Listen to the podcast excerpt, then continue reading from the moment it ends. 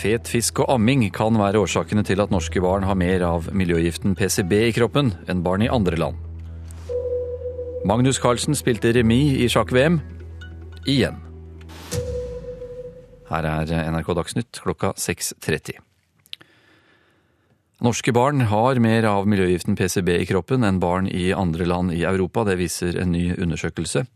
Fet fisk og at norske barn ammes lenge kan være årsakene, sier avdelingsleder Katrine Thomsen i Folkehelseinstituttet. Maten er en viktig kilde for PCB, og da kanskje spesielt fet fisk. Hvorvidt det er sammenhengende i denne studien, skal vi se nærmere på nå. Vi vet også at hvor lenge man har blitt ammet, har betydning for denne type stoffer. Nivået av noen PCB var høyere i Norge, mens det for mange av de andre miljøgiftene var lavere konsentrasjoner i de norske barna. Mattilsynet mener at norsk fisk er trygg å spise. Politimannen som er siktet i forbindelse med den store overgrepssaken i Bergen, er avhørt, men ikke pågrepet. Politimannens sønn er derimot pågrepet og skal framstilles for fengsling i dag. Sønnen skal ha vært sentral i nettverket som har delt overgrepsmateriale på internett, skriver Bergens Tidende. De med høyest inntekt i Norge slipper ut omtrent tre ganger så mye CO2 som dem med lavest inntekt. Det viser ny norsk forskning. To forskere ved Universitetet i Oslo har sett på sammenhengen mellom inntekt og CO2-avtrykk, skriver Klassekampen. I 2014 hadde de 10% rikeste husholdninger i Norge 2,9 ganger høyere inntekt enn de 10% på bunnen. Det endte med remis i det sjuende VM-partiet mellom Magnus Carlsen og Sergej Karjakin søndag i går. Nok en gang så gjorde Magnus Carlsen et tabbetrekk som kunne ha straffet ham hardt.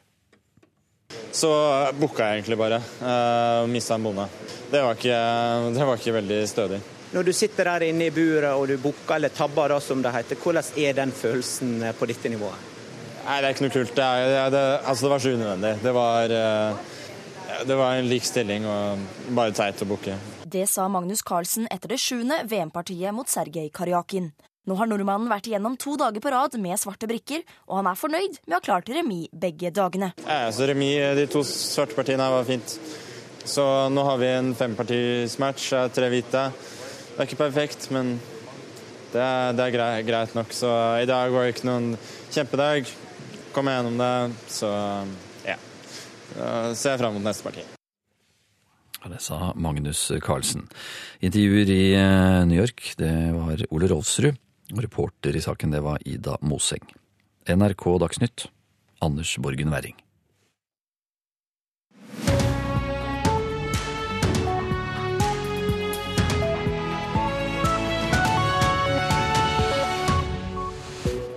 De siste dagene har vi hørt at politiet i Bergen har rulla opp omfattende overgrepsnettverk. Her i Nyhetsmorgen får du høre mer om etterforskningsmetodene som er brukte. I dag sier regjeringa etter alt å dømme nei til Venstres budsjettforslag. Et borgerlig budsjettforlik er fremdeles i det blå. Det blir lite folkeliv i det nye regjeringskvartalet. Statsbygg må prioritere trygghet framfor butikker og kafeer. Og Kongsvinger tapte cupfinalen, men laget ble likevel tatt imot som helter i går kveld. Jeg er veldig stolt av dem, fordi de har kommet veldig langt. Selv om de tapte, så var det fortsatt veldig bra. I studio i dag, Silje Sande. Det var nye etterforskningsmetoder som var med på å bidra til at 51 nordmenn nå er tatt i den store overgrepssaka i Bergen. Politiet forteller om gjennomførte overgrep og fildelinger der barn helt ned i spedbarnsalder er offer. Den hemmelige etterforskninga har vært styrt fra Bergen sentrum. Her inne sitter vi og jobber. Det har fått navnet The Dark Room. Du ser så er det, er det jo en del arbeidsstasjoner. Så her pleier vi å sitte samlet. Rommet i en nabobygning til politihuset i Bergen er langt lysere enn en skulle tro. Men de 25 etterforskerne i dette rommet jakter på mørke hemmeligheter. I går fortalte politiet at så langt er 51 nordmenn involvert i flere nettverk i lukkede rom på internett, der fellesnevneren er overgrep mot barn. Det er et urovekkende høyt antall, og det har skremt oss når vi ser hvor utbredt dette er. Janne Ringseth Heltene er påtalejurist i sakene som nå rulles opp av Vest politidistrikt. Det er små barn som eh, kommer i kontakt med disse på internett. Og dette dreier seg ofte om sårbare unger. Og så møter de da disse gjerningspersonene på, eh, på nettet. Og, og, blir på en måte manipulert og eh, lokka og leda til på en måte å gi nakenbilder, onanere foran webkamera og også i noen tilfeller eh, avtale å møte gjerningspersonene. Og det har da blitt begått seksuelle overgrep. Nettverkene har delt overgrepsbilder og video av barn helt ned i spedbarnsalder, forteller etterforskningsleder Hilde Reikås. Fellesnevneren er jo helt klart den store interessen for barn. Eh, deling av overgrepsmateriale. Eh, chatting med hverandre om det. At de ønsker å oppsøke barn. De treffes ofte på forum på det mørke nettet. I de sakene vi har til nå, så har vi funnet eh, kjent overgrepsmateriale. Altså materiale som har vært i andre saker her til, i landet, men også i utlandet. Men eh, vi har også funnet eh, overgrepsmateriale som eh, er egenprodusert. Vi har også en sak der eh, gjerningspersonen hadde en gravid samboer. Og i kontakt og chat med andre skrev om seksuelle overgrep han skulle begå mot dette spedbarnet når det var født. Det vi ser, det er jo at det er personer fra alle samfunnslag. Det er også personer som har blitt eh, beskrevet som ressurspersoner i sine nærmiljø. Det er familiefedre der omgivelsene reagerer med sjokk når vi er ute og tar dem. Politiet har utviklet nye etterforskningsmetoder for å avdekke kryptert materiale og knytte det til enkeltpersoner. Det tette samarbeidet blant de 25 etterforskerne har vært avgjørende for resultatet, mener Reikerås. Så den måten vi jobber på nå, da sitter vi rett og slett skulder til skulder, eh, er tilgjengelig for hverandre. Eh, og eh, det er ingen tvil om at det er bra. Reportere Simon Sundfjord Otterlei og Christian Lura. I går ble det gjennomført valg på Haiti. Valget skulle ha funnet sted for ett år siden, men har blitt utsatt pga. fusk og korrupsjon, og sist også pga. en orkan som råket landet tidligere i høst. Med meg nå Marta Kristine Sivertsen, landrepresentant for Kirkens Nødhjelp på Haiti. Du er med oss fra hovedstaden Port-au-Prince. Hvordan har valget gått for seg så langt? Eh, det, har vært, eh, altså det var en veldig utfordrende oppgave å arrangere valg det, denne gangen. Det er utfordrende til vanlig. I tillegg så kom det en orkan som ødela mange av valglokalene. Men eh, sånn som rapporten er, så har det operasjonelt gått veldig bra. Det har selvfølgelig vært noen mindre hendelser. Et par steder fikk man ikke utlevert materiell pga. ødelagte veier. Men ellers har det vært mye mindre klager på juks enn ved forrige valgrunde. Og det har vært rolig stemning ved de aller, aller fleste valglokalene. Ja, du har sjøl valgt å holde deg hjemme pga. tryggleken. Har det vært uro? Eh, det har vært enkelthendelser. Det var bl.a. et valglokale som ble forsøkt brent ned i nord. Eh, kanskje et eh, tjuetalls arrestasjoner. Noe, noe rundt valglokalet, nå pga. Det var jo ikke lov å bære våpen i dag. Eh, av folk som ikke har respektert den lovgivningen. Men uh, i Petionville, der hvor vi bor, så har det egentlig vært uh, rolig for det aller, aller meste. Hvem er det som ligger an til å vinne dette valget? De offisielle resultatene kommer jo ikke før om en ukes tid. De to favorittene er Juvenel Moïse, som var utgående presidents favorittkandidat, og Jude Stelsten, som er med, en av de mer etablerte politikerne. Han var også med i forrige, forrige valg, der Marte Lie vant. Så foreløpig så ser det ut som det er eh, en eller av de to, da.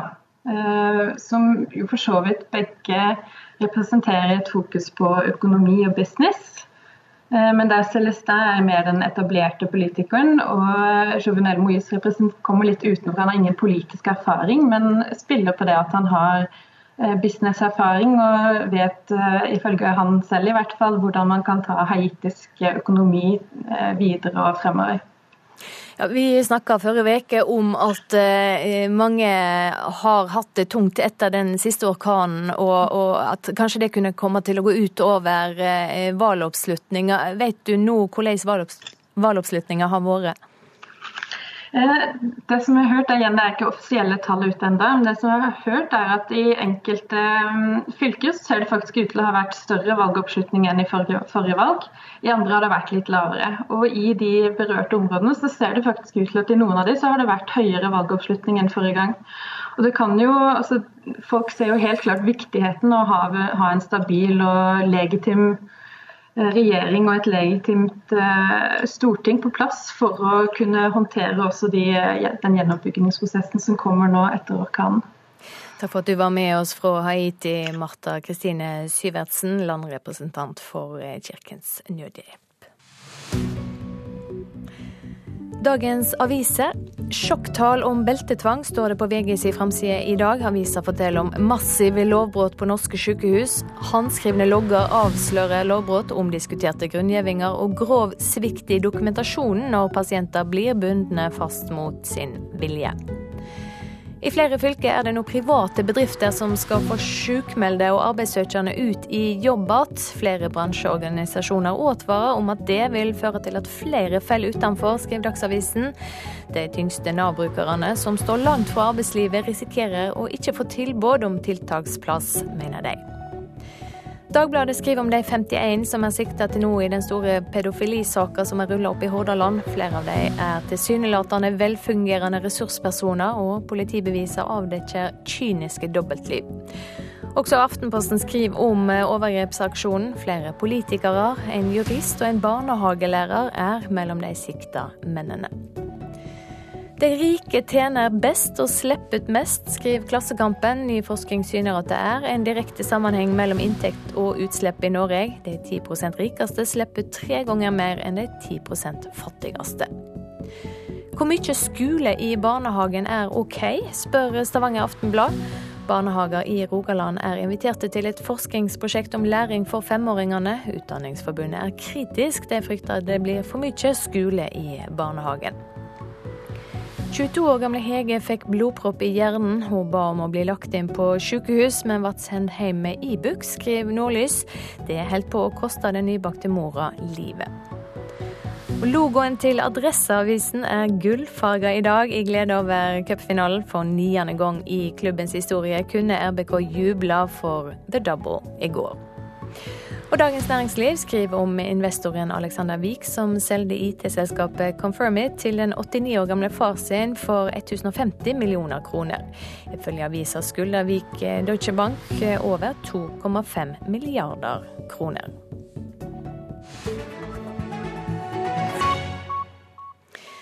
Vi skal ha mer fotball, for selv om Kongsvinger tapte cupfinalen, så ble laget tatt imot som vinnere da de kom hjem til Kongsvinger i går kveld.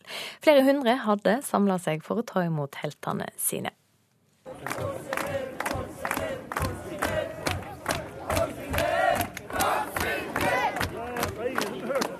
Vi er her for å ta imot eh, Kiel-gutta. Det er veldig bra jobba av dem. Jeg er veldig stolt av dem, fordi de har kommet veldig langt. Selv om de tapte, så var det fortsatt veldig bra. Vi vil eh, gi en liten eh, velkommen-hilsen til eh, Kiel-gutta når de kommer hjem fra cupfinalen. Fordi de har jo de kommet til cupfinalen for første gang òg. Jeg syns de er ganske gode til å være liksom Kiel. Både små og store supportere hadde møtt fram i gågata i Kongsvinger for å hedre Kiel. Og endelig kom de.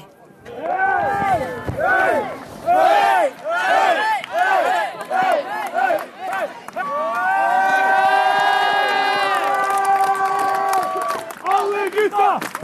Alle gutta! Alle gutta! Det er fantastisk. Det er godt å se at eh, folk eh, bryr seg og støtter oss sjøl om vi tapte på Ullevål. Så det er godt å se at de er med oss. Yes, yes, yes, yes,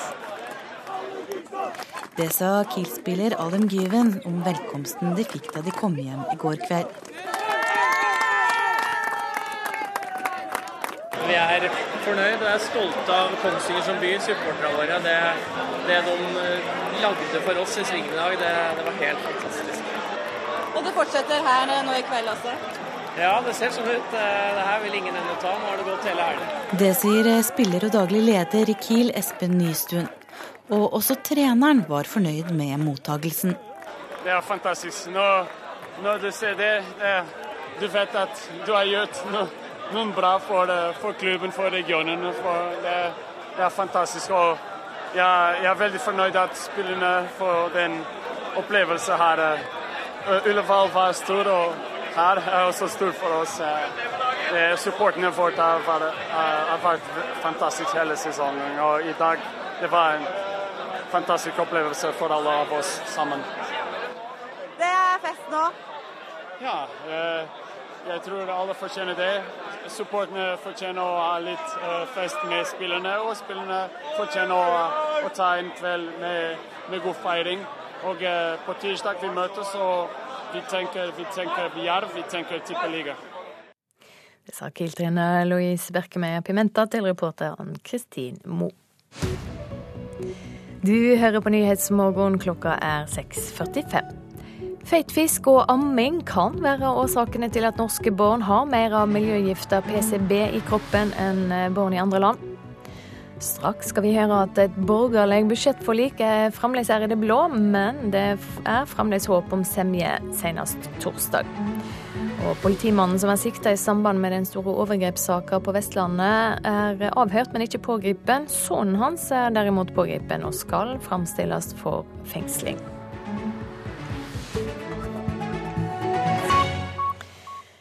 Som sagt, regjeringa sier i dag, etter alt å dømme nei til Venstre sitt budsjettforslag. I forslaget som ble presentert lørdag kveld, flytta det på over seks milliarder kroner et borgerlig budsjettforlik er fremdeles i det blå, men det er fremdeles håp om semje i løpet av noen dager. Altså for oss har det hele tida vært viktigst å få et eh, budsjett som eh, peker mot Parisavtalen, som holder det vi har lova velgerne på miljø, og holder det som Stortinget har vedtatt. Venstre-leder Trine Skei Grande på vei inn til møte hos statsministeren lørdag kveld. Med seg hadde hun et nytt forslag, en pakke hvor partiet altså har flyttet på over seks milliarder kroner. Men etter det vi forstår, vil Venstre i ettermiddag få beskjed om at forslaget har falt på stengrunn. Flere kilder i de to regjeringspartiene sier til NRK at det ikke er mulig å støtte pakken slik den er foreslått. Vi ønsker å få til en løsning der det er fire partier som bidrar inn i den enigheten. Det sa KrF-leder Knut Arild Hareide til NRK på lørdag. Men målet om et budsjettforlik med alle de fire partiene er fortsatt langt unna. Regjeringen har lagt inn rundt tre milliarder kroner til klimatiltak, men ikke på langt nær nok til å få med seg Venstre. KrF har fått ekstra penger til hjertesaker, men heller ikke de er fornøyd. Jeg tror det viktigste for KrF er at vi ser et budsjett som får klimagassutslippene ned. Men så er det en helhet. Vi trenger flere lærere. Vi er nødt til å ha en familiepolitikk som gir valgfrihet. Og ikke minst distriktspolitikken er viktig for KrF. De fire partiene rakk ikke fristen de hadde satt seg for å bli enige i går. Nå håper regjeringen at de i beste fall kan presentere en tilleggsinnstilling de fire partiene står bak, senest torsdag. Reporter Katrin Hellesnes. Og det blir budsjettforhandlinger også i Politisk kvarter i dag, programleder Lilla Sølvesvik. Det blir i hvert fall om budsjettforhandlinger. Det var jo i dag de skulle ha vært en slags enighet om budsjett for 2017. Men Fremskrittspartiet vil ikke gi seg på at bilistene skal ha avgiftslette. Og Venstre er absolutt like steile på at utslippene skal ned, og da må budsjettet og bilpolitikken endres. Sånn har de holdt på siden 30. september. Til oss kommer politiske kommentatorer som skal svare på to spørsmål. Blir det Erna Solberg som holder nyttårstalen 1.1, og klarer disse samarbeidspartiene å samarbeide også i år? I Politisk kvarter om eh, litt under en time her i P2 og Alltid nyheter.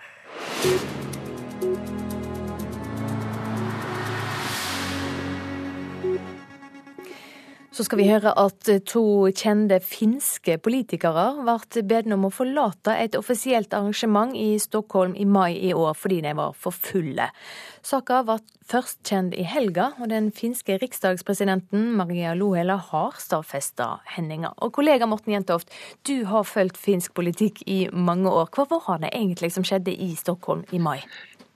Ja, eh, detaljene kjenner vi jo ikke, men dette var altså en, en delegasjon fra den finske riksdagen som var på besøk hos sine kollegaer i den svenske riksdagen. og Det skulle være en offisiell middag på kvelden.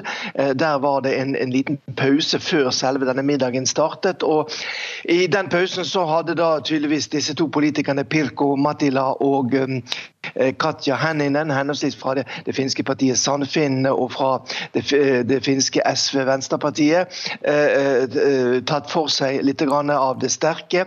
Og eh, Ifølge de meldingene som nå kommer, så hadde de opptrådt støyende under denne middagen. Og rett og slett da blitt bedt om å forlate en offisiell middag. Og Nå ble jo da dette kjent. og Dermed så var skandalen et faktum. Igjen så hadde da finner oppført seg beruset i, i, i Sverige, og dette blir det selvfølgelig en skandale. Ja, Det tok altså et halvt år før eh, folk fikk vite om dette. Hvordan eh, har de finske reaksjonene vært? Ja, det er klart at når denne saken ble kjent da, i, i, helgen, så eksploderte den jo på, i alle nettaviser, og ikke minst da på eh, sosiale medier. Eh, det som er litt spesielt her, det er jo det at Pirko Mattila fra det finske partiet Sandfinnene, den gangen hun var eh, med på dette arrangementet, så var hun vanlig eh, riksdagsrepresentant. Senere så er hun utnevnt til helse- og sosialminister i Finland, med ansvaret for eh, bl.a. alkoholpolitikken. Og det er klart at det er eh, som har reagert på at en, en, en, en, politiker med ansvar for, uh, for uh, alkoholpolitikken i Finland da, uh, rett og slett blir bortvist da, fra et offisielt arrangement pga. alkoholbruk. Ja, kan dette få følger for disse to? Eh, Katja Henninen eh, fra det finske SV hun har beklaget da via eh, Twitter det som har skjedd. Så for henne får det vel neppe de store konsekvensene. Men når det gjelder Pilko Mattila, som altså er medlem av den finske regjeringen i dag, så, så kan jo dette få eh, konsekvenser. Det er i alle fall enkelte kommentatorer, blant den Tommy Parkonen i avisen Iltalehti, som mener det at hvis dette hadde skjedd i et annet land, så eh, hadde eh, vedkommende umiddelbart da, bedt om avskjed pga. en slik oppførsel som dette. Helt kort, Morten, Det er ikke første gang finske politikere og alkohol blir nevnt i samme setning? Nei, det er jo ikke det, og det er jo det som gjør denne saken litt pinlig. Dette, ifølge kritikere i Finland så er denne type oppførsel bekreftet overfor folk i utlandet, og ikke minst i det viktige nabolandet Sverige myter om finner. Vi hadde episoden med den tidligere utenriksministeren og statsministeren Arti Karjalainen, som ble avsatt som sjef for Finlands Bank pga. Eh, alkoholbruk. Eh, sånn at eh, For Finlands image så er ikke dette en spesielt god sak. Takk skal du ha, Morten Jentoft. Allerede om sju til ni år skal det nye regjeringskvartalet stå klart i hjertet av Oslo, dersom alt går etter planen. Mange håper at området skal fylles både med folkeliv og aktivitet, men nå vedgår Statsbygg at det etter alt å dømme korkje blir kafeer eller butikker der, av omsyn til tryggheten.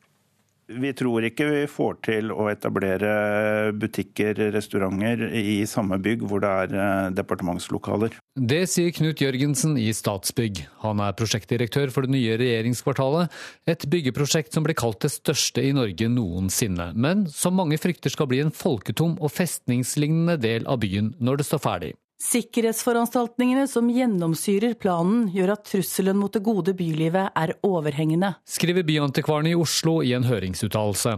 Sikkerhetsregimet, slik det er planlagt, kan gi uheldige konsekvenser for næringslivet og bylivet i området. Skriver Oslo bystyre.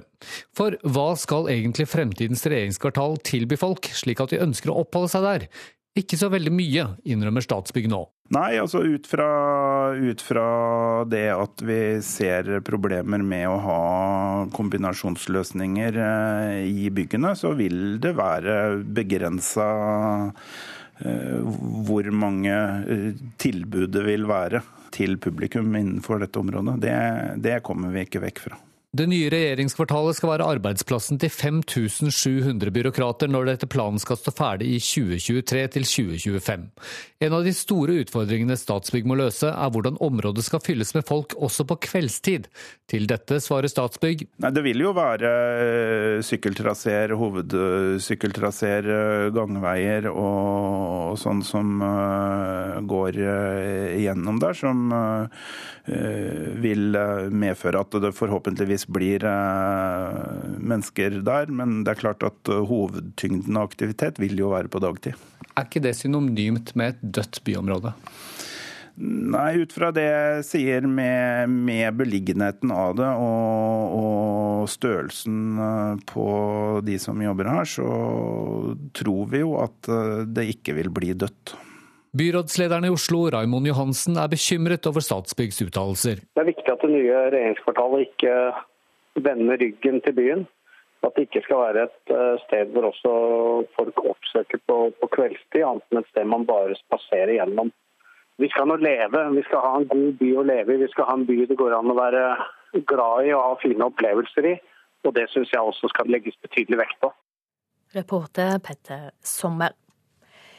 I januar 2018 er det klart for den fjerde sesongen av den populære krimserien Broen. Det blir også den aller siste sesongen, sier produsent Bo Erhardt.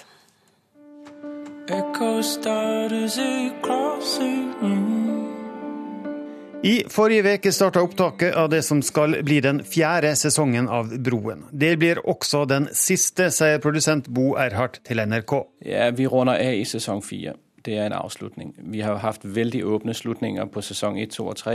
Sesong 4, øh, der runder vi av. Hvorfor må det bli sånn? Fordi Sagas reise er slutt. Du har aldri villet barn. Hvorfor spør du det? Spør meg. Det er masse saker jeg ikke har. Hvorfor spør du om just barn? Tenk bare på det. Du behøver ikke svare hvis du ikke vil. Det var lenge uvisst om det skulle komme en fjerde sesong, fordi Sofia Helin, som spiller hovedrolla Saga Norén, syntes det etter hvert ble vel krevende å spille rolla. Men i vår ble det kjent at det skulle komme en ny sesong, og at eh, det ville starte med et halloween-drap i Danmark. Men nå viser det seg at det ikke stemmer. Det var opprinnelig planen, og det uh, viser at det stemte slett ikke overens med uh, Sager og Henriks planer. Uh, nei, det er, vi åpner på et annet sett, så det er ikke sånn lenger. Men så mye mer enn det vil han ikke si om hva vi kan vente oss av denne siste sesongen. Vi, ikke noe om, vi deler ikke noe om plottet uh, nå. Og øh, vi deler heller ikke noe av vores øh, cast eller skuespillere på det tidspunkt. Det venter vi med. Som din sjef så burde jeg reagere tidligere. Nei, jeg måtte avslutte fallet. Jeg har lovet Hans. Eller tar du ledig? Broen er en av de mest suksessrike seriene innen sjangeren nordic noir eller Scandic crime. Enkelte har hevdet at vi er i ferd med å nå et metningspunkt for denne typen krim, men det er Erhardt ikke samd i. Jeg tror ikke at det er slutt. Jeg tror at uh, det er alltid plass til krim. Det er alltid plass til gode krimiserier. Uh, Udfordringen er selvfølgelig hele tiden å fornye oss øh, og, og gøre, uh, lave overraskelser eller nye take eller nye vrid på, øh, på en gammel sjanger. Og Det er utfordringen, og det er kunsten. Men nå går det mot slutten for Broen, og Erhard vedgår at det er vemodig. Ja, for pokker. Ja, det blir en, øh, det blir en merkelig dag. Det blir en merkelig dag. Men også en, en, en dag hvor vi, øh, jeg synes, øh, vi kan slå hinanden på skuldrene, fordi vi har, vi har lykkes med et prosjekt som opprinnelig var et eksperiment. Altså at gjøre en serie som skulle være primetime både i Danmark og i Sverige. Det var det der var ambisjonen og drømmen, og det har jo lykkes til fulle.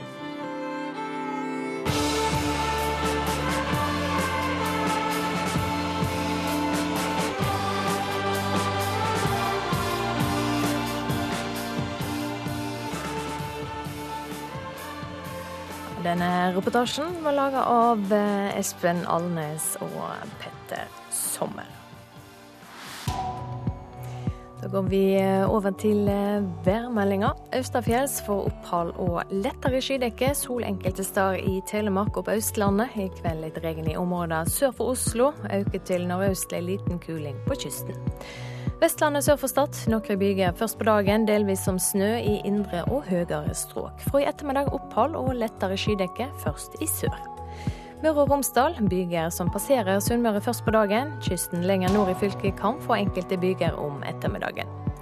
Trøndelag litt snø som passerer nordover i indre strøk først på dagen. Fra i ettermiddag enkelte regn og sluddbyger i ytre strøk, særlig i nord.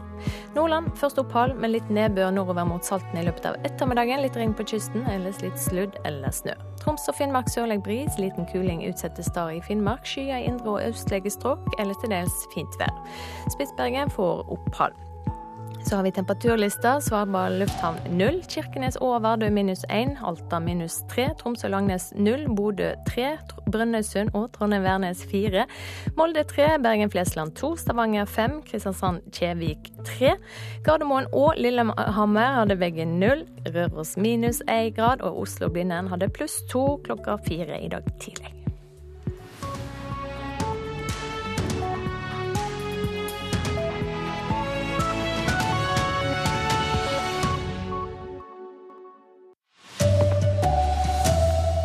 Sønnen til siktet politimann i den store overgrepssaken er pågrepet. Norges viktigste offentlige nettportal er i ferd med å gå ut på dato, det sier Altinn-direktøren. Her er NRK Dagsnytt klokka sju. Politimannen som er siktet i forbindelse med den store overgrepssaken i Bergen, er avhørt, men ikke pågrepet. Politimannens sønn er derimot pågrepet, skriver Bergens Tidende. Den erfarne polititjenestemannen ble avhørt i nesten tre timer søndag kveld før han ble sluppet fri. Ifølge forsvareren hans har han ikke tatt stilling til skyldspørsmålet. Den svært datakyndige sønnen hans skal mellom annet ha hjulpet andre med å skjule digitale spor i pedofilinettverket. Han blir fremstilt for varetektsfengsling i dag. Sa reporter Leif Rune Løland. Barn som er utsatt for vold, får et altfor dårlig helsetilbud i dag. Det sier barneombud og barnelege Anne Lindboe til Aftenposten. Bare seks av 21 norske barneavdelinger har egne team med kompetanse på barnemishandling. I årets eh, oppdragsbrev fra Sosial- og helsedepartementet til de regionale helseforetakene står det at alle barneavdelinger skal sosialpediatere dvs. Si ha barneleger med ekstra kompetanse i å undersøke og behandle barn utsatt for omsorgssvikt og vold. Over halvparten av barneavdelingene har ikke en eneste slik spesialist ansatt. Store deler av nettportalen Altinn er i ferd med å gå ut på dato, det advarer selskapet selv. Hvert år bruker flere millioner nordmenn og en halv million bedrifter nettportalen Altinn. Men flere av systemene i tjenesten er i ferd med å bli for gamle, sier Altinn-direktør Katrine Holten. Når du ikke får støtte fra leverandørene på de produktene du har i midten, så er det som å ha en motor som du ikke har noen leverandør som kan reparere lenger. Derfor har Brønnøysundregistrene de siste årene bedt om penger til å modernisere Altinn. En tjeneste som brukes av flere millioner nordmenn hvert år, samt flere store statlige organisasjoner som Skatteetaten og Nav. Men heller ikke for 2017 kom det penger fra regjeringa. Da blir den oppgraderingen eh, nødvendigvis utsatt uh, igjen. Uh, på sikt uh, så vil det kunne gi dårligere stabilitet, brukervennlighet og sikkerhet. Det sa fagsjef Kjetil Brun i NHO-organisasjonen Abelia, reporter Adrian Dahl Johansen. USAs neste president, Donald Trump, bekrefter at hans kone Melania og parets ti år gamle sønn Barron ikke blir med når han flytter inn i Det hvite hus i januar. Det skriver The New York Post. De blir i New York, slik at Barron kan fortsette på privatskolen han går på. En kilde sier til avisa at det er mulig at eh, fru Trump og sønnen hennes flytter til Det hvite hus på slutten av skoleåret, men planene er ennå ikke klare. NRK Dagsnytt, Anders Borgen Werring. Her i Nyhetsmorgen blir det mer om de omfattende overgrepsnettverkene som er avslørt på Vestlandet. Nettsamtalene mellom de sikta er sjokkerende. De konservative i Frankrike ga seg sjøl ei overrasking i går da de røysta i første runde av sitt eget nominasjonsvalg. Norske barn har mer av miljøgifta PCB i kroppen enn barn i andre europeiske land. Nå skal forskerne prøve å finne ut hvorfor.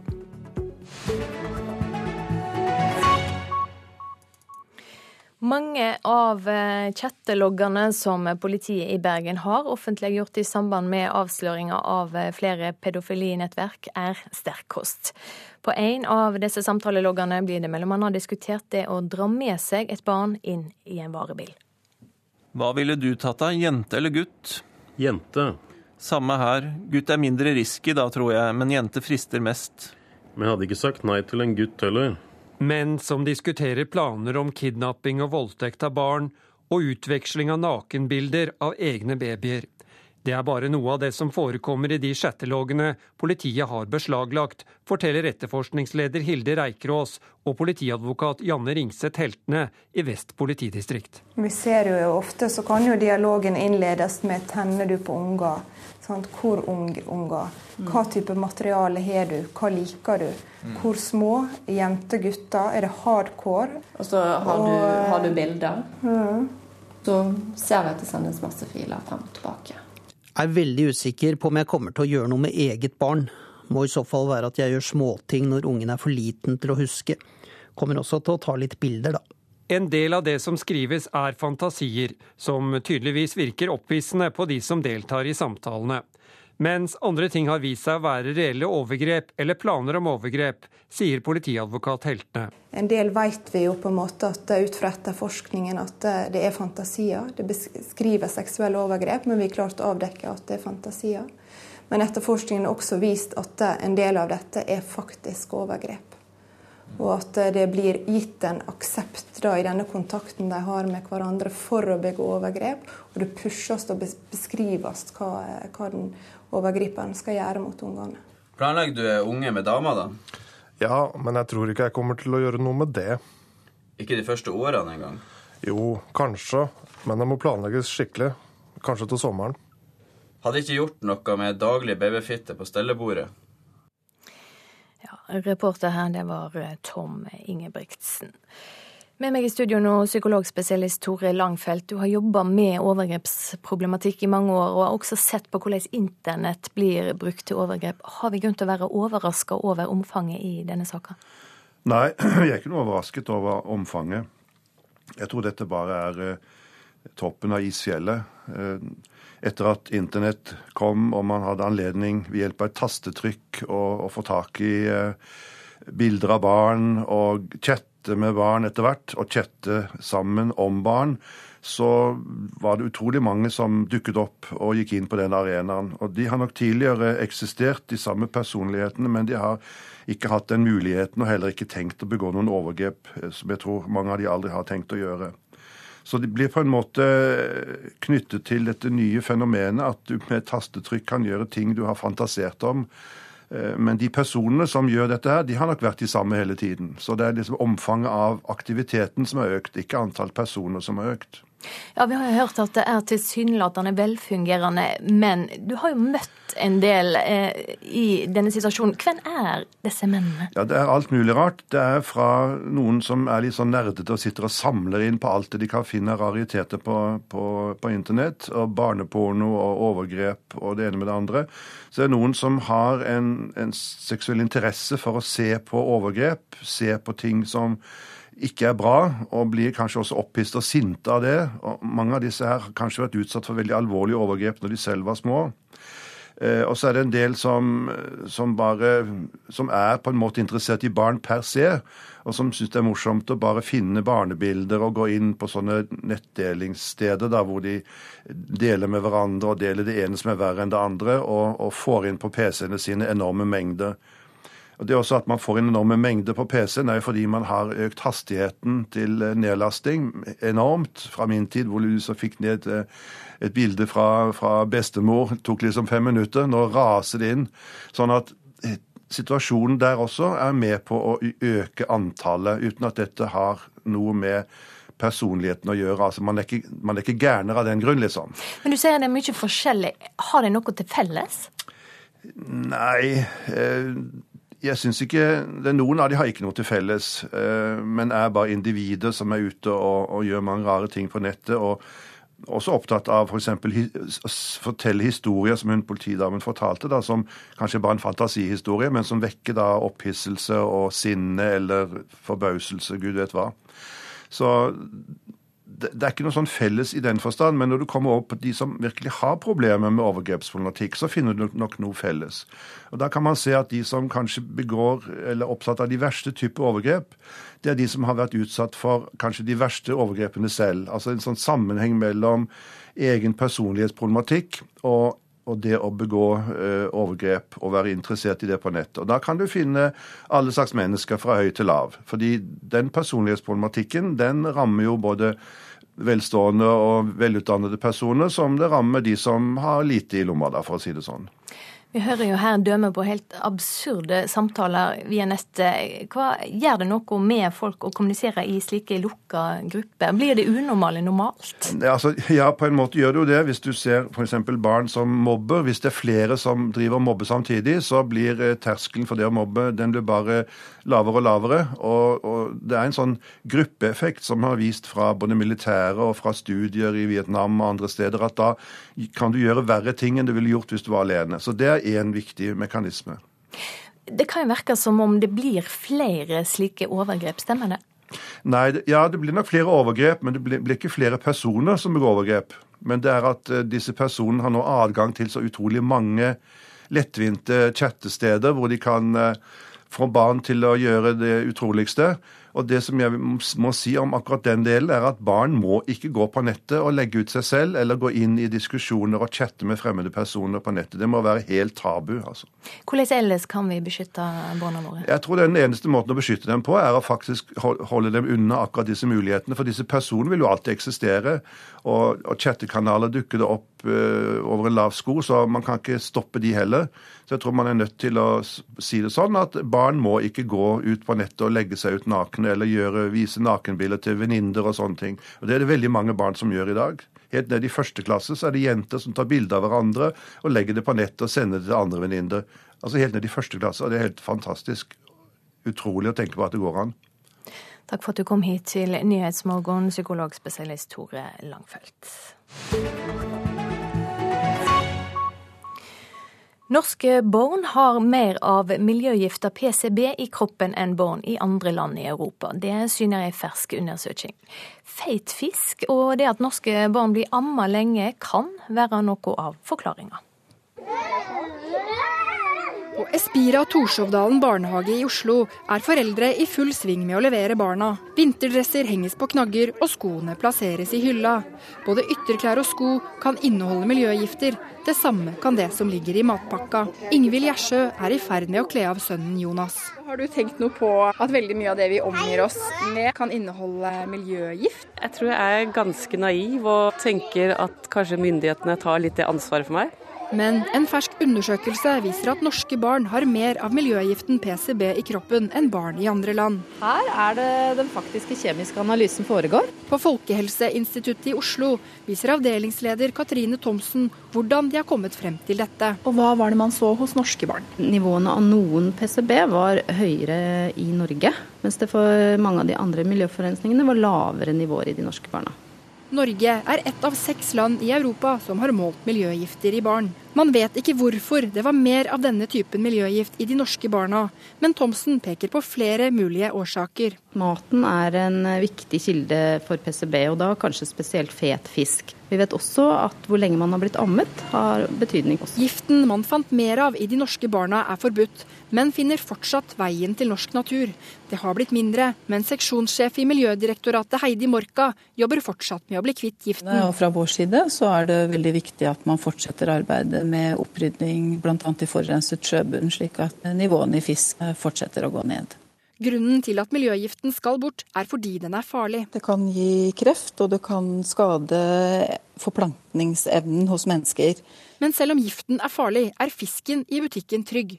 Det sier seniorrådgiver for seksjon sjømat, Kristine Børnes i Mattilsynet. De ulempene det eventuelt skulle være å spise fet fisk med hensyn på miljøgifter, det blir oppveid av de gode egenskapene du får gjennom økt omega-3-innhold. Tilbake i barnehagen er barna opptatt av helt andre ting enn farlige stoffer. Før når jeg så på barne-TV, vet du hva jeg et landingsspill. Men mamma Ingvild Gjersjø synes det er vanskelig å vite hva hun skal putte i handlevognen, slik at sønnen Jonas skal få det best mulig. Fordi jeg overlater så mye av det ansvaret til myndighetene. Så hvis det kunne vært en måte at de kunne tipsa oss eller merka bedre, det hadde jeg satt veldig stor pris på. Og nå skal forskerne se på hvorfor det var mer miljøgift i noen land, og hva det gjør med helsa til barna. Det var, vi må understreke det, ingen akutt helsefare for noen av, noen av barna i undersøkelsen. Reporter Kristine Hirsti. Olaf Brastad fra Bellona, ingen akutt helsefare, men bør eh, foreldre være urolige for disse funnene? Nei, jeg syns ikke vi skal spre unødvendig, unødvendig helseangst i, i, denne forbindelse. Det er sunt å amme barn, det er sunt å spise fet fisk, men dette forteller at vi har en miljøgiftshverdag.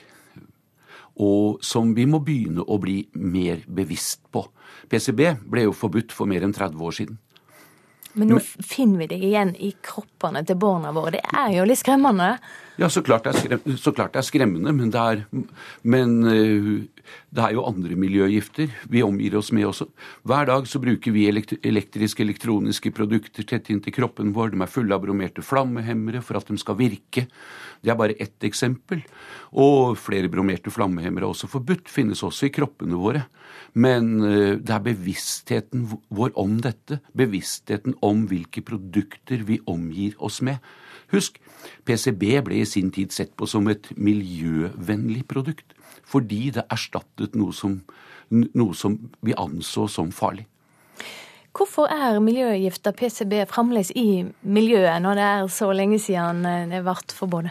Det er framskrevet at vi kommer til kanskje ikke ha klart å sanere bort all den PCB-en vi omgir oss med i et hundreårsperspektiv. Men, men det jobbes med det. Altså, Forurensa sjøbunn er nevnt. Altså maling. Gammel maling kan være full av PCB. Eh, vi har, eh, det ble brukt i transformatorer. Altså, det ble brukt rundt oss hele, hele tiden. Og vi har nå jobba med å sanere dette gjennom mange, mange år. Det som er det politiske spørsmålet her, er rett og slett, og nå midt i budsjettdebatten, om det faktisk ikke skal avsettes mer penger til sanering av PCB og andre miljøgifter. Det er eh, Kanskje vi skal ha fokus på det, og ikke bare klima. Men Du sier det trengs mer merksemd. Er det noe vi kan gjøre sjølve for å hindre at vi og barna får, får gift i oss? Ja, det er, altså, vi, et, vi må ha større, et større fokus på produktene våre. altså Ikke bare PCB i dag, men også hvordan vi, hvordan vi skal bruke forbrukermakta vår kanskje etter hvert. På å, på se hvordan, hvordan kan vi forhindre altså en stø, stadig større tilfang av kjente og ukjente miljøgifter i hverdagen vår. Takk skal du ha, Olaf Brastad fra Bellona.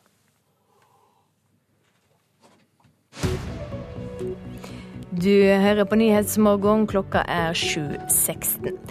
Nettsamtalene mellom de sikta i overgrepssaker på Vestlandet er sjokkerende. Pass på at ungene ikke legger ut noen foto av seg sjøl, er det klare rådet fra psykologspesialist Tore Langfelt. Og som vi hørte, feit fisk og amming kan være noe av årsaken til at norske barn har mer av miljøgifta PCB i kroppen enn barn i andre europeiske land. Et eh, borgerlig budsjettforlik er fremdeles i det blå, men det er fremdeles håp om semje senest torsdag. Til eh, Frankrike nå, for eh, de konservative der gav seg sjøl ei overrasking da de i går gikk til urnene i første runde av sitt eget nominasjonsvalg.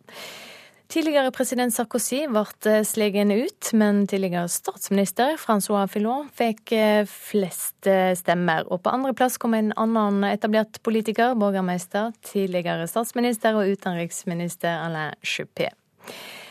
Ja, eh, Philip Lote, europakorrespondent. Hva betyr dette resultatet før andre runde neste søndag? Det betyr jo at Francois Fillon nå er gutten i vinden, eller mannen i medgang.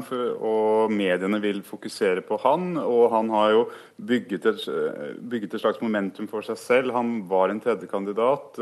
Nå har han vunnet den første runden helt suverent. Og det blir veldig vanskelig for Alain Juppé nå å ta han igjen. Sarkozy, som tapte, har jo gitt Fillon sin støtte.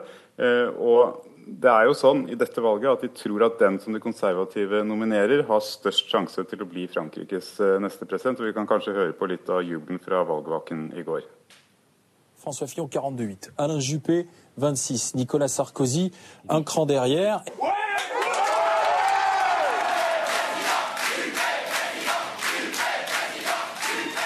et pour faire barrage au Front National qui nous entraînerait dans la pire des aventures.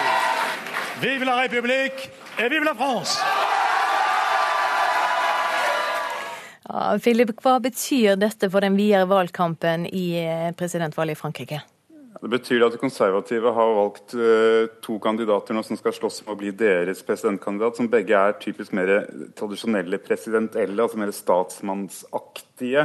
Uh, og det er viktig, for det er jo denne personen som de velger nå, som skal uh, for dem klare å slå Marine Le Pen, leder for Nasjonal Front, i det som de tror blir den siste avgjørende Eh, presidentrunden i, eh, i, i, til våren. Eh, Marine Le Pen er regnet som en ganske sikker kvinne å gå til siste runde. og Derfor var det viktig for dem å velge en person de tror har størst mulig sjanse til å slå henne. og Akkurat nå så ligger det an da til å bli Francois Fillon. Ja, og Republikanerne, som altså det franske konservative partiet heter, sier nå at nominasjonsvalget i seg sjøl er en siger. Hvorfor det? Fordi at Det er første gang de har hatt et åpent nominasjonsvalg, hvor alle som har lyst, alle som sier at eh, de er konservative, kan gå til urnene, registrere seg og, og stemme. Eh, og Det var en deltakelse på over fire millioner, og dette viser at eh, det er ganske stor oppslutning. De er for veldig fornøyd om deltakelsen at det lover godt for valget som kommer. Ja, Du nevnte Le Pen, men hva med venstresida? Hvor står det i et knapt halvår før selve presidentvalget? President eh, Hollande er historisk upopulær. Det var en måling for eh, to uker siden som sa at det var kun 4% som var eh, fornøyd med han. Så sosialistene, altså det franske Arbeiderpartiet, de, de sliter. Det, Hollande har ikke sagt ennå om han kommer til å stille eller ikke. Men uansett hvem de velger som sin kandidat, så kommer det til å være vanskelig for det franske Arbeiderpartiet å gå videre til siste avgjørende runde i det franske presidentvalget. Og da kommer det til, mest sannsynlig eh, til å stå mellom Marine Le Pen, altså leder for eh, Nasjonal Front, langt til høyre, og akkurat nå tyder det på at det blir Francois Fillon, altså, som er da en typisk konservativ, sosialt konservativ, økonomisk konservativ politiker. Europakorrespondent Philip Lote. Så til eh, Tyrkia. Der skal eh, parlamentet i morgen diskutere ei svært omstridt lov. Det regjerende AK-partiet vil at menn som voldtar jenter under 18 skal frifinnes dersom de gifter seg med jentene de har eh, forgrepet seg på. Det har vært høylytte protester mot lovframlegget. Til og med kvinneorganisasjonen i partiet er visstnok for første gang oppe usamd med partiledelsen. Hundrevis av kvinner fylte Istanbuls hovedgate Istiklal i helgen. Og tusenvis marsjerte i andre tyrkiske byer. De er rasende og redde for det nye lovforslaget fra Tyrkias regjerende parti AKP. Nei til lover som unnskylder seksuelle overgrep. Bare å legge hånd på noen uten aksept er kriminelt. Jeg føler bare avsky, mener Asli Zaineb. Rett før helgen la statsminister Benali Gildrim frem regjeringens lovforslag. Det finnes dem som giftet seg da de var mindreårige, og som ikke kjenner loven. Deretter får de barn, faren må i fengsel, og moren blir alene med barna. Vi har 3000 familier som dette, sa Gildrim. Han mener loven vil være til det beste for disse parene og deres barn. I Tyrkia er aldersgrensen for giftermål 18 år. Lovforslaget lar menn som sitter i fengsel som har forgrepet seg på mindreårige uten makt eller trusler, gå fri for å gifte seg med offeret. Men hvem vet akkurat hva som har skjedd bak lukkede dører? Om makt og tvang ble brukt. Hvem tror samfunnet på? En voksen mann eller en ung tenåringsjente? Etter helgens protester måtte justisministeren rykke ut og forklare at loven ikke skal gi amnesti til voldtektsmenn.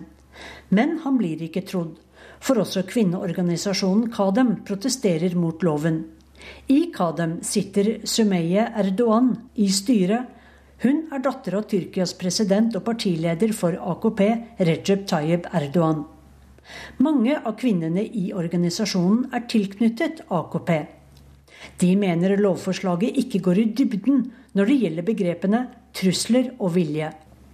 Dette er visstnok første gang kvinnene innen partiet offentlig går ut mot AKPs politikk. Også jurister er på barrikadene. Dette vil legitimere giftermål med mindreårige, sier Aydeniz Toskan til Reuters. Hun sitter i styret til Istanbuls advokatforening. Om staten gir amnesti til voldtektsmannen, er dette en motsigelse. For statens oppgave er å beskytte barna, slår hun fast. I morgen skal parlamentet etter planen stemme over det kontroversielle lovforslaget. Det var eh, korrespondent Sitzel Wold som rapporterte fra Istanbul. Så eh, dagens aviser. Sjokktall om beltetvang står det på VGs framside i dag. Avisa forteller om massive lovbrudd på norske sykehus. Håndskrivne logger avslører omdiskuterte grunngjevinger, og grov svikt i dokumentasjonen av pasienter blir bundne fast mot sin vilje. I flere fylker er det nå private bedrifter som skal få de sykmeldte og arbeidssøkende ut i jobb. Flere bransjeorganisasjoner advarer om at det vil føre til at flere faller utenfor, skriver Dagsavisen. Dagbladet skriver om de 51 som er sikta i den store pedofilisaka som er rullet opp i Hordaland. Flere av de er tilsynelatende velfungerende ressurspersoner, og politibeviser avdekker kyniske dobbeltliv. Også Aftenposten skriver om overgrepsaksjonen. Flere politikere, en jurist og en barnehagelærer er mellom de sikta. De rike tjener best og slipper ut mest, skriver Klassekampen. Ny forskning syner at det er en direkte sammenheng mellom inntekt og utslipp i Norge. De 10 rikeste slipper tre ganger mer enn de 10% fattigste. Hvor mye skole i barnehagen er OK, spør Stavanger Aftenblad. Barnehager i Rogaland er invitert til et forskningsprosjekt om læring for femåringene. Utdanningsforbundet er kritisk. De frykter det blir for mye skole i barnehage.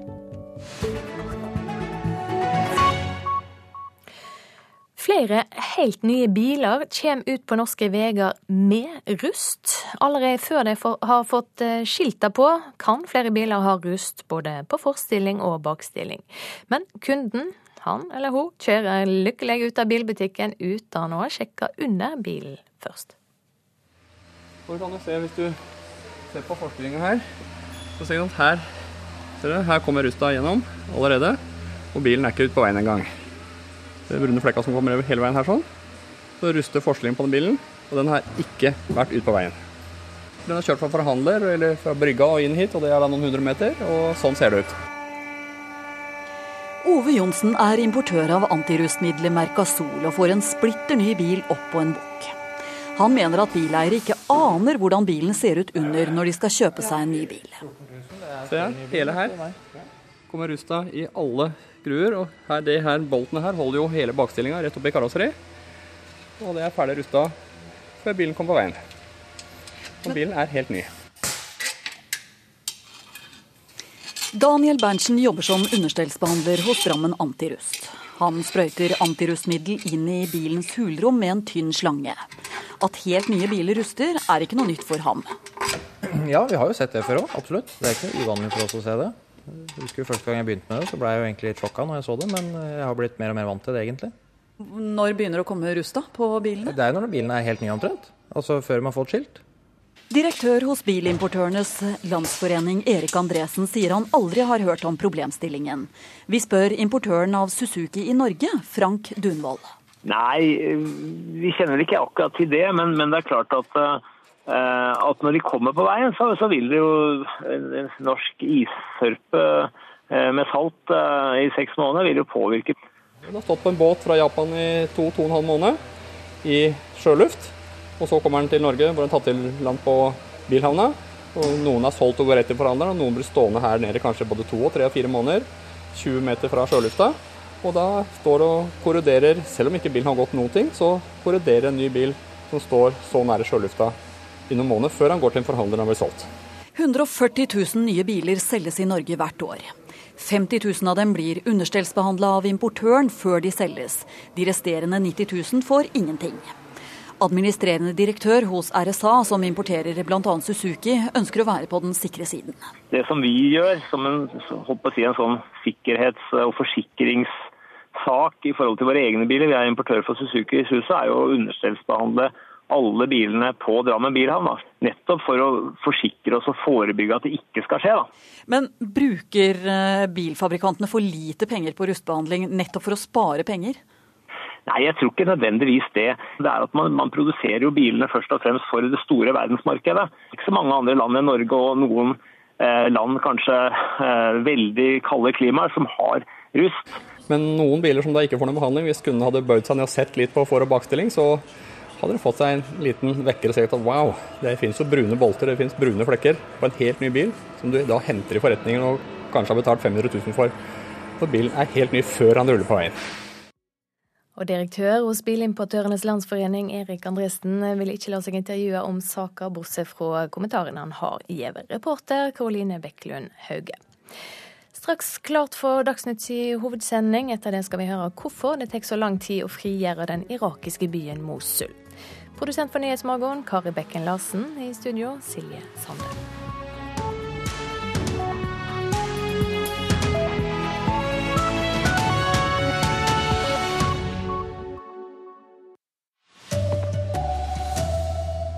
Pedofile diskuterer inngående hvordan de skal misbruke barn, i samtalelogger som politiet har offentliggjort. Norges viktigste offentlige nettportal er i ferd med å gå ut på dato, sier Altinn-direktøren. I dag sier regjeringen trolig nei til Venstres budsjettforslag. Her er NRK Dagsnytt klokka 7.30. Mange av samtaleloggene som politiet i Bergen har offentliggjort i forbindelse med avsløringen av flere pedofilinettverk, er sterk kost. I nettsamtalene diskuteres det bl.a. hvordan man skal dra et barn inn i en varebil. Hva ville du tatt av, jente eller gutt? Jente. Samme her. Gutt er mindre risky da, tror jeg, men jente frister mest. Men jeg hadde ikke sagt nei til en gutt heller. Menn som diskuterer planer om kidnapping og voldtekt av barn, og utveksling av nakenbilder av egne babyer. Det er bare noe av det som forekommer i de chatteloggene politiet har beslaglagt, forteller etterforskningsleder Hilde Reikerås og politiadvokat Janne Ringseth Heltene i Vest politidistrikt. Vi ser jo ofte så kan jo dialogen innledes med 'tenner du på unger'? Sant? Hvor ung unger? Hva type materiale har du? Hva liker du? Hvor små? Jenter, gutter? Er det hardcore? Og så har, du, har du bilder. Mm. Så ser vi at det sendes masse filer frem og tilbake. Jeg er veldig usikker på om jeg kommer til å gjøre noe med eget barn. Må i så fall være at jeg gjør småting når ungen er for liten til å huske. Kommer også til å ta litt bilder, da. En del av det som skrives er fantasier, som tydeligvis virker opphissende på de som deltar i samtalene mens andre ting har vist seg å være reelle overgrep eller planer om overgrep, sier politiadvokat Heltene. En del vet vi jo på en måte at ut fra etterforskningen at det er fantasier. Det beskriver seksuelle overgrep, men vi har klart å avdekke at det er fantasier.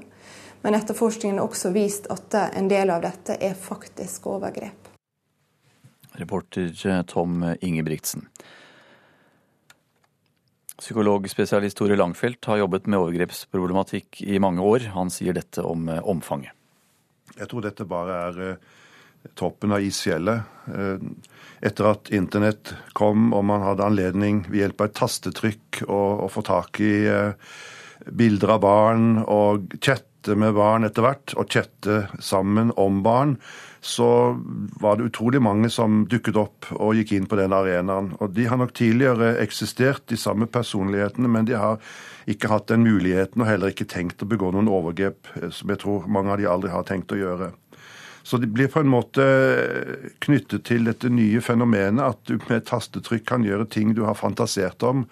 Eh, men de personene som gjør dette, her, de har nok vært de samme hele tiden. Så det er liksom omfanget av aktiviteten som har økt, ikke antall personer som har økt. Det sa psykologspesialist Tore Langfelt. Store deler av nettportalen Altinn er i ferd med å gå ut på dato, advarer selskapet selv. Hvert år bruker flere millioner nordmenn og en halv million bedrifter nettportalen Altinn. Men Brønnøysundregistrene har ikke fått penger til å modernisere det som kanskje er Norges viktigste offentlige nettjeneste på flere år. Hvis du går inn i et skjema, så ser du at det ser jo ikke spesielt 2016 eh, ut. På et kontor i Brønnøysund sitter Altinn-direktør Katrine Holten og prøver ut sin egen nettportal på mobil, men det fungerer dårlig. Det er ikke veldig lett å finne ut hvordan du skal bruke den. Men at Altinn ikke er tilpassa mobilbruk, er ikke det største problemet. Store deler av kjernesystemene i nettportalen er utgått på dato, og direktøren frykter de snart ikke lenger får support på programvaren. Når du ikke får støtte fra leverandørene på de produktene du har i midten, så er det som å ha en motor som du ikke har noen leverandør som kan reparere lenger. Derfor har Brønnøysundregistrene de siste årene bedt om penger til å modernisere Altinn. En tjeneste som brukes av flere millioner nordmenn hvert år, samt flere store statlige organisasjoner som Skatteetaten og Nav. Men heller ikke for 2017 kom det penger fra regjeringa. Da blir den oppgraderingen eh, nødvendigvis utsatt uh, igjen. Uh, på sikt så vil det kunne gi dårligere stabilitet, brukervennlighet og sikkerhet. Det sier fagsjef Kjetil Brun i Abelia, som er NHOs interesseorganisasjon for IKT-bransjen. De reagerer kraftig på at Altinn-portalen nå har gått flere år uten midler til oppgradering. Vi har sett eh, innspillene på, på dette. Nå er det mange datasystemer som har behov for eh, modernisering. Og i år så har vi bevilget over 170 millioner til nytt registerplattform, som er selve grunnsystemet i Brønnøysundregistrene. Det sa statssekretær Lars Jakob Him i Nærings- og fiskeridepartementet. Reporter eh, her, det var Adrian Dahl Johansen. Regjeringen sier i dag eh, etter alt å dømme nei til Venstres budsjettforslag. I forslaget som ble lagt fram lørdag kveld flytter de på over 6 milliarder kroner. Et borgerlig budsjettforlik er fortsatt i det blå, men regjeringspartiene håper fortsatt å bli enige, senest torsdag. Altså for oss har det hele tida vært viktigst å få et uh, budsjett som uh, peker mot Parisavtalen, som holder det vi har lova velgerne på miljø, og holder det som Stortinget har vedtatt. Venstreleder Trine Skei Grande på vei inn til møte hos statsministeren lørdag kveld. Med seg hadde hun et nytt forslag, en pakke hvor partiet altså har flyttet på over seks milliarder kroner. Men etter det vi forstår, vil Venstre i ettermiddag få beskjed om at forslaget har falt på stengrunn. Flere kilder i de to regjeringspartiene sier til NRK at det ikke er mulig å støtte pakken slik den er foreslått. Vi ønsker å få til en løsning der det er fire partier som bidrar inn i den enigheten. Det sa KrF-leder Knut Arild Hareide til NRK på lørdag. Men målet om et budsjettforlik med alle de fire partiene er fortsatt langt unna. Regjeringen har lagt inn rundt tre milliarder kroner til klimatiltak, men ikke på langt nær nok til å få med seg Venstre. KrF har fått ekstra penger til hjertesaker, men heller ikke de er fornøyd. Jeg tror det viktigste for KrF er at vi ser et budsjett som får klimagassutslippene ned. Men så er det en helhet. Vi trenger flere lærere. Vi er nødt til å ha en familiepolitikk som gir valgfrihet. Og ikke minst distriktspolitikken er viktig for KrF. De fire partiene rakk ikke fristen de hadde satt seg for å bli enige i går. Nå håper regjeringen at de i beste fall kan presentere en tilleggsinnstilling de fire partiene står bak, senest torsdag. Sa reporter Katrin Hellesnes. Om det blir enighet eller ikke om neste års budsjett, det skal det snakkes mer om eh, i Politisk kvarter på P2 og Alltid nyheter kvart på åtte. Politiets eh, utlendingsenhet ber eh, innvandringsministeren om å endre Storskoginstruksen, slik at asylsøkerne kan få behandle sakene sine i Norge. I et seks sider langt brev TV 2 har fått tilgang til, fastslår politiet at det ikke er mulig å sende de om lag 1300 Storskog-flyktningene tilbake til Russland. Norske barn har mer av miljøgiften PCB i kroppen enn barn i andre land i Europa, viser en undersøkelse fet fisk og at norske barn ammes lenge kan være årsakene. På Espira Torshovdalen barnehage i Oslo er foreldre i full sving med å levere barna. Ingvild Gjersjø er i ferd med å kle av sønnen Jonas. Har du tenkt noe på at veldig mye av det vi omgir oss med, kan inneholde miljøgift? Jeg tror jeg er ganske naiv og tenker at kanskje myndighetene tar litt det ansvaret for meg. Men en fersk undersøkelse viser at norske barn har mer av miljøgiften PCB i kroppen enn barn i andre land. På Folkehelseinstituttet i Oslo viser avdelingsleder Katrine Thomsen hvordan de har kommet frem til dette. Og Hva var det man så hos norske barn? Nivåene av noen PCB var høyere i Norge, mens det for mange av de andre miljøforurensningene var lavere nivåer i de norske barna. Norge er ett av seks land i Europa som har målt miljøgifter i barn. Man vet ikke hvorfor det var mer av denne typen miljøgift i de norske barna, men Thomsen peker på flere mulige årsaker. Maten er en viktig kilde for PCB, og da kanskje spesielt fet fisk. Vi vet også at hvor lenge man har blitt ammet, har betydning. Men selv om giften er farlig, er fisken i butikken trygg. Det sier seniorrådgiver for seksjon sjømat, Kristine Børnes i Mattilsynet. De ulempene det eventuelt skulle være å spise fet fisk med hensyn på miljøgifter, det blir oppveid av de gode egenskapene du får gjennom økt omega-3-innhold. Men mamma Ingvild Gjersjø synes det er vanskelig å vite hva hun skal putte i handlevognen, slik at sønnen Jonas skal få det best mulig. Fordi jeg overlater så mye av det ansvaret til myndighetene. Så hvis de kunne merka bedre, det hadde jeg satt veldig stor pris på. Nå skal forskerne se på hvorfor det var mer av noen typer miljøgifter i noen land, og hva det gjør med helsa til barna. Det var ingen akutt helsefare for noen av barna i undersøkelsen. Reporter Kristine Hirsti. Norges største bibel er klar for den som har en solid bokhylle og kan lese punktskrift. Den nye bibelen er tre meter lang, veier 40 kilo, opplyser utgiveren Kristent arbeid blant blinde og svaksynte. Det er den nye oversettelsen fra 2011 som nå blir tilgjengelig på punktskrift. Fem år etter at den vanlig trykte versjonen var klar. Sven Gullvåg har eh, ansvaret for NRK Dagsnytt i dag. Jeg heter Anders Borgen Werring.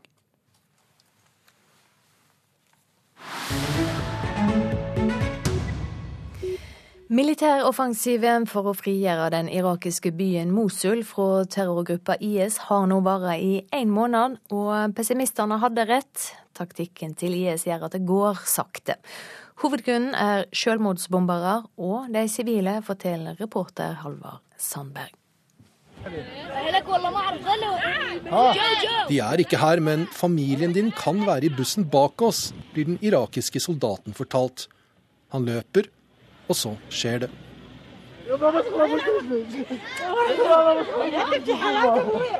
Møte med moren som han ikke har sett på over to år. Kvinnen som sier at han ikke må gråte fordi han er en voksen mann.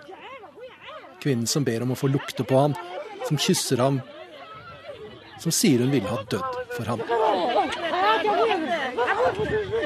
Men denne lille historien fra frigjøringen av Mosul er egentlig omvendt. Det er sønnen som i ukevis nå har risikert livet for at moren og de andre innbyggerne skal bli frie fra IS. En frigjøringskamp som har blitt akkurat så langvarig og blodig som pessimistene advarte om på forhånd.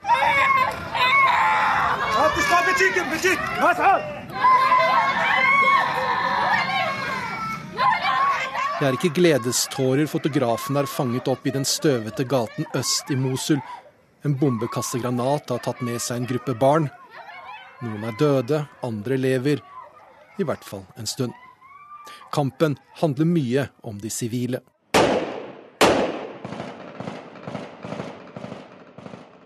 Det er bare i den østlige delen av Mosul det er gjort vesentlige fremskritt etter at styrkene nådde frem til selve byen. Irakiske spesialsoldater, støttet av panseravdelinger fra hæren, tar bydel etter bydel. 400 meter her, 500 meter her.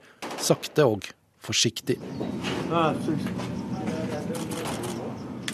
Journalistene fra Reuters følger med spesialsoldatene da de fjerner det de tror er den siste motstanden i bydelen Al-Sara. De møter kaptein Malik Hamid. Vi har kontroll over hele bydelen nå, sier kapteinen. I den neste bydelen, Tahir, er det fortsatt IS. Vi gjennomfører noen angrep på dem, men det store problemet vi har, er de sivile. De blir brukt som levende skjold. Det kommer mange rapporter om at IS bruker denne strategien. De nekter folk å flykte i forkant, og så skyter de på de fremrykkende soldatene fra hus som fortsatt er bebodd. På denne måten gjør de det veldig vanskelig for irakerne å få tung ildstøtte fra artilleri og fly. Utlendingene som kontrollerer store deler av denne støtten, ønsker å unngå sivile tap.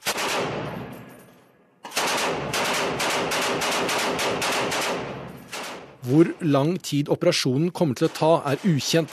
Fortsatt er det på østsiden av elven Tigris kampene skjer inne i byen. Gamlebyen det egentlige sentrum ligger på vestsiden av Tigris. Og frigjøringen av Mosul foregår også langt vekk fra selve byen.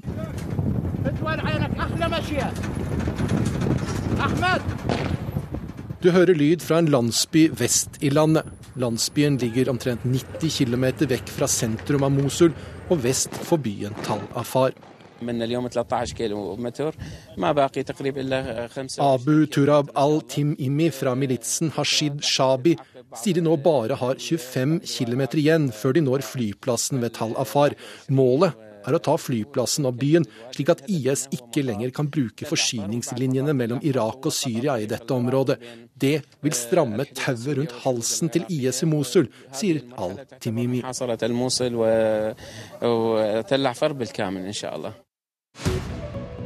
Du hører på Nyhetsmorgen. Klokka nærmer seg 20.45.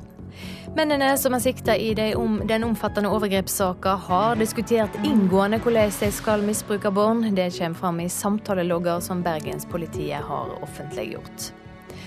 Altinn, den viktigste offentlige nettportalen her i landet, er i ferd med å gå ut på dato. Årsaken er mangel på penger til å modernisere systemet. Advaringa kommer fra selskapet sjøl.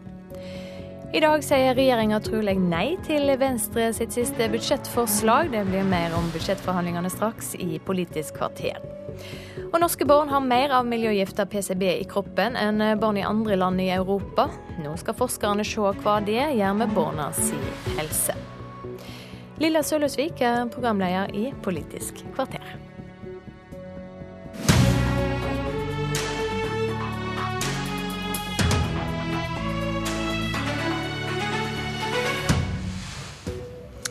Det var i dag det skulle ha vært enighet om et statsbudsjett for 2017.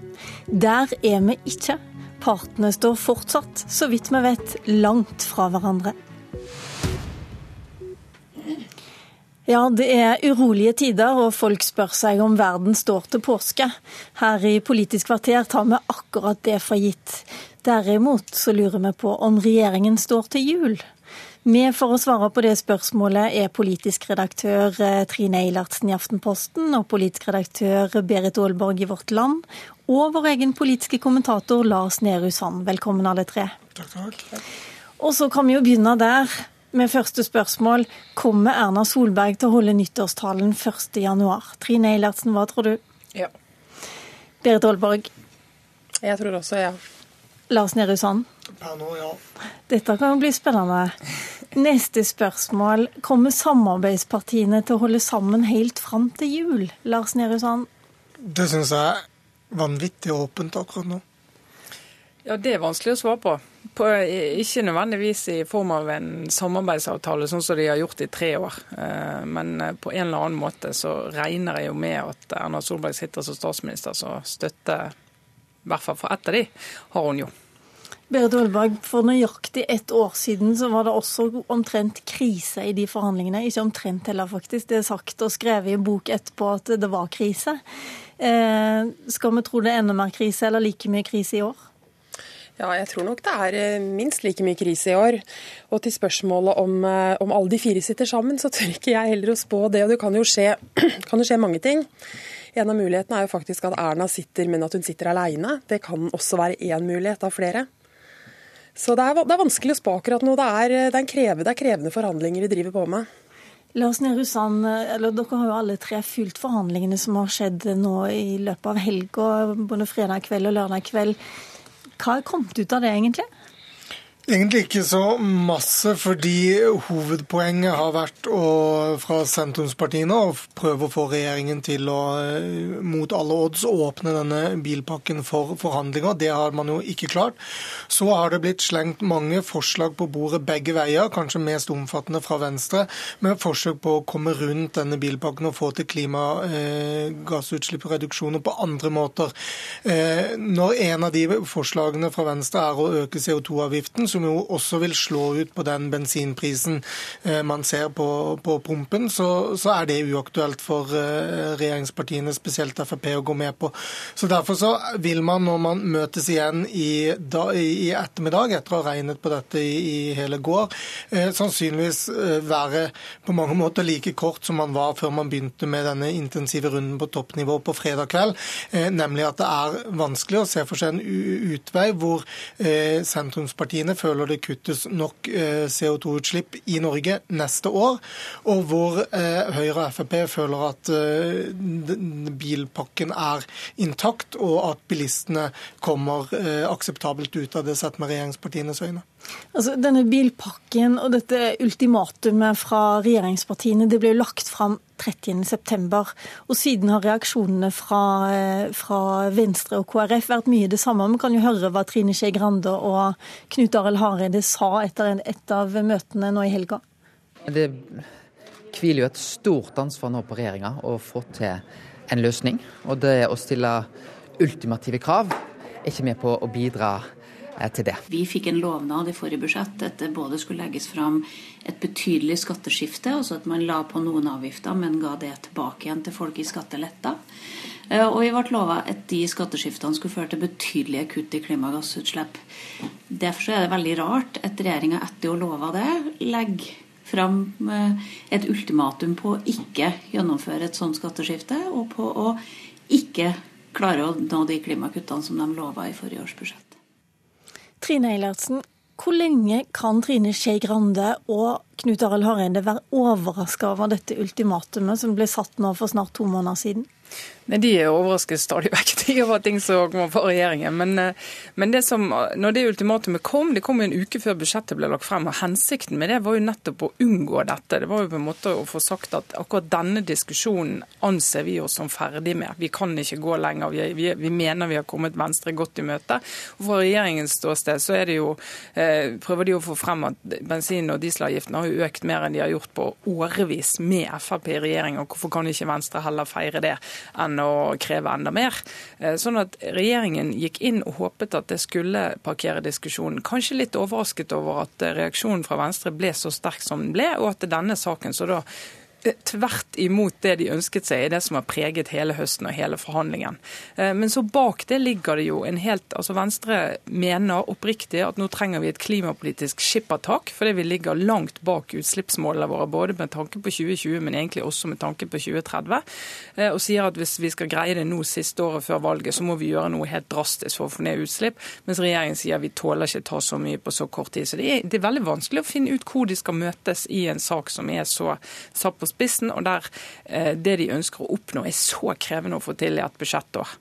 Men er ikke det en statsministeroppgave, en lederoppgave, å på en måte parkere den og si at sånn blir det, eller sånn blir det ikke? Jeg bare skjønner ikke helt hvor lenge de skal klare å si bastant fra FrPs side at vi rikker oss ikke, og fra Venstre at det, det må dere. Ja, eh, ja jeg, jeg, tror jo det er veldig krevende å få det til. Men, men, og kanskje var det litt altså Jeg tror også Eilertsen har rett i at de ønska å parkere denne debatten. Men kanskje var det litt naivt av Høyre og Fremskrittspartiet å tro at de skulle få til det på et tema de så å si redda budsjettet i fjor på å bli enige om at de skulle få til et ordentlig løft på. Så um, jeg tror at eh, det har vært et, på en måte et høyt spill fra regjeringas side, også i en mindretallsregjering, å sette et sånn ultimatum. Det er litt uvanlig, og det har nok ikke vært helt klokt av Erna og Frp å sette et sånn ultimatum så tidlig i denne prosessen. Er du enig i det, Lars Nehru Sand? Altså det, dette ultimatumet ble også satt på en sak hvor de fire hadde prøvd i nesten et år å bli enige om noe på andre nivå. Eh, og Så kom man ikke til noe enighet, og da forankra Frp hva som var akseptabelt for de, og så ble det på en måte en, en definert eh, krittstrek som man ikke skulle trå over. og Da eh, provoserer det selvfølgelig Venstre og KrF, som nettopp hadde forlatt noen møterom og sagt at de ikke var fornøyd med det alle fire synes å kunne ene om. Så kan du eh, som du sa i sted, alltid spørre om, om det er en lederoppgave da å, å, eh, skjære igjennom. Frem til nå virker det som Erna Solberg, som tross alt for første gang offisielt gikk inn i disse forhandlingene på fredag, har brukt helgen til å eh, prøve å finne eh, alternative løsninger. Og det er jo heller begrensa hvor lang tid man kan, kan bruke på det, uten å kun drive med nærmest utmattelsesarbeid fra begge sider. For det er klart Venstre hiver også inn mange forslag her som som regjeringen reagerer på med samme måte, nemlig at dette er ikke realistisk eller politisk ønskelig fra, fra regjeringens side. Og hvor lenge man vil fortsette den pingpongen med umuligheter, for å kalle det det, er, er ikke så veldig mye lenger. Og uansett så bør Erna Solberg kunne våkne opp 5.12. og vite at hun har et flertall for budsjettet. og sånn som det ligger an i dag, så, så er ikke det eh, mulig å se hvordan skal skje. En annen ting folk spekulerer på, det er jo hva Kristelig Folkeparti vil gjøre her. Vi kan høre Hareide enda en gang. Det er fire partier som har inngått en samarbeidsavtale, og jeg kan ikke se for meg en løsning der det kun er tre partier som blir enige om en budsjettenighet. Ja, det sier han jo, men kan vi tro han på det, Trine Eilertsen? Ja, altså, Kristelig Folkeparti kommer ikke til å signere en budsjettavtale uten Venstre. Um, men, men, samtidig så er det vanskelig Du tror ikke det? Nei, ikke, ikke en budsjettavtale før avstemningen i Stortinget. Altså, hvis, det, hvis det blir, de følger opp samarbeidsavtalen, så, så, er det som alle fire partiene. Men det kan jo skje ting i Stortinget under avstemningen som gjør at KrF på en måte redder regjeringen med et budsjett der KrF har fått en god del. De skal jo etter sigende ha fått en del på kontantstøtte og, og en del andre saker som, eh, som betyr mye for KrF. for i baklandet til Knut Arild Hareide, så, så, er det ikke opplagt at han vil få bli omfavnet hvis han avviser en del klare KrF-seire for å støtte Venstre i en, i en, klimapakke som ikke KrF er helt sånn ubetinget tilhenger av. Altså Venstre har tatt steg og blitt et eh, klimaparti, rent klimaparti i høst, men KrF er jo ikke der. De har jo mange andre saker de også vil markere seg på, eh, og har ikke lyst til å bli hengende bare på den saken. Så det er krevende for Knut Arild Hareide også i høst, altså. Hva tror du, Holberg? Tror du KrF eh, holder seg til regjeringen hvis Venstre sliter seg? Jeg tror det er liten sjanse for det. Jeg er enig i analysen til, eh, til Eilertsen. Og samtidig så er det sånn at altså jeg tror det, det, skal veldig veldig mye til før KrF går inn og redder regjeringa uten Venstre. Men det er jo også sånn at KrF sin stortingsgruppe på mange måter er litt delt. Altså Det er noen som også tenker tanken at det er en del penger å hente der til tiltak de ønsker å, å støtte. Men samtidig så tror jeg at det vil bli krevende å få med hele KrF og hele KrF sin stortingsgruppe og hele partiet på å redde Eh, redde Frp, så å si. Og uh, særlig fordi at man har vært veldig stolt over i KrF at Bondeviks regjering gikk en gang på, et, på en klimasak. Så, så, jeg tror at det vil være veldig krevende for deler av partiet å skulle redde, redde regjeringen når, mens Venstre blir stående igjen som klimapartiet. Men da det var krise, full krise i fjor, for nøyaktig et år siden igjen, så, så var det sånn at KrF kunne tenkes å ville, ville ha støtta budsjettet selv om Venstre sa nei, Lars Nehru? Ja, derfor så er poenget nå for KrF, hvis man havner i denne situasjonen, at de må også vise at dette er vanskelig for dem. Eh, og, og, det må da skje frem til avstemning. Kanskje må Erna Solberg stille et kabinettspørsmål, som vil være det mest alvorlige hun kan gjøre. og, og sånn sett at Hareide viser at dette er ikke med lett hjerte at, at KrF gjør det. Men samtidig så, så er det eh, nok innhold i det budsjettet til at det også er krevende for KrF å eh, bryte eller nekte å, å eh, støtte det minst mulig helhjertet, for å si det sånn. Eh, og det er jo det dilemmaet KrF da eventuelt vil være i. Jeg tror de bryter, Hvis det blir brudd i forhandlingene, så tror jeg Venstre og KrF forlater rommet samtidig. Og så vil det være en enorm oppgave, igjen en lederoppgave da, for Erna Solberg, eh, å få KrF med i folden. Og ikke nødvendigvis ved å signere en avtale, som Eilertsen er inne på. Eh, ikke nødvendigvis ved å si aktivt eh, en eller to uker før at vi skal stemme for, men ved at man om så, når debatten starter den 5.12., først da får rede på at, eh, at KrF stemmer eh, for, eh, eventuelt også etter et kabinettspørsmål, hvis man vil dra det så langt man kan, men likevel redde Erna Solberg som statsminister, som jo er den foretrukne statsministeren for Kristelig Folkeparti i det vedtaket de har, har fattet. Jeg lurer på en ting. Har det vært lurt av KrF, ja, lurt i anførselstegn kanskje, La meg spørre på en annen måte. Har KrF vunnet på å flørte litt med Arbeiderpartiet, mens Venstre egentlig har bundet seg til masten og sagt at det er de borgerlige vi skal samarbeide med uansett? Eilertsen? Altså De eh, to sakene som var vanskeligst da dette regjeringssamarbeidet startet, det var innvandring og det var klima. Eh, og Særlig på klima så har jo Venstre vært det partiet som har stått lengst fra regjeringspartiene. KrF har stått sammen med Venstre, men de står jo ikke helt der ute. Så de har hatt mer å spille på overfor eh, regjeringspartiene enn Venstre har hatt. Eh, og de har hatt flere saker. Det er veldig selvfølgelig viktig med familiepolitikk, vold mot barn, alt dette tidlig innsats i skolen. Så de har kunnet spille inn i flere saker der de kan få seire. Men men det er klart at for Erna Solberg har det vært viktig nå å vise at det er verdt det å stå ved oss. De skal ha fått en god del i dette budsjettet som gjør at det skal koste oss så mye å si at vi ikke er med lenger. Det skal de gjøre. Hva er det de får, eh, Aalborg? Det går bl.a. på kontantstøtte, som de har fått en del. Jeg vet ikke helt beløpet, men de sies at det er en god del. Og så er det ting på Det skal også være ting på skole og på andre familiepolitiske tiltak og vold mot barn og den typen ting. Men særlig kontantstøtten, den jekka jo KrF tydelig opp. Sånn at der var de nok ute etter å hente ut eh, en seier på forhånd før de gikk inn i budsjettet, som var veldig tydelig en KrF-seier. For er, det er jo ikke Venstre og KrF enige om. Så det er nok en del sånne ting som ligger på bordet som blir krevende for KrF å si nei til, også i forhold til sin egen grasrot. Et siste spørsmål er jo hvor dramatisk dette egentlig er nå. Vi hører jo stadig vekk at oi, der forsvant en frist igjen. Ja ja, men da venter vi til torsdag, og så snakker vi om 5. desember. Hva skjer nå egentlig? Altså, Det er jo vanskelig på den måten at eh, En ting er at vi kan tro at man på en eller annen måte greier å redde regjeringa, men det er jo også eh, enda et skritt på veien i at, at det prosjektet til Erna med fire partier på en måte viser seg å ikke fungere sånn som man hadde håpa. Så det er kanskje den aller, aller alvorligste biten. og hva, Hvordan skal man gå til valg etter neste, altså etter neste valg?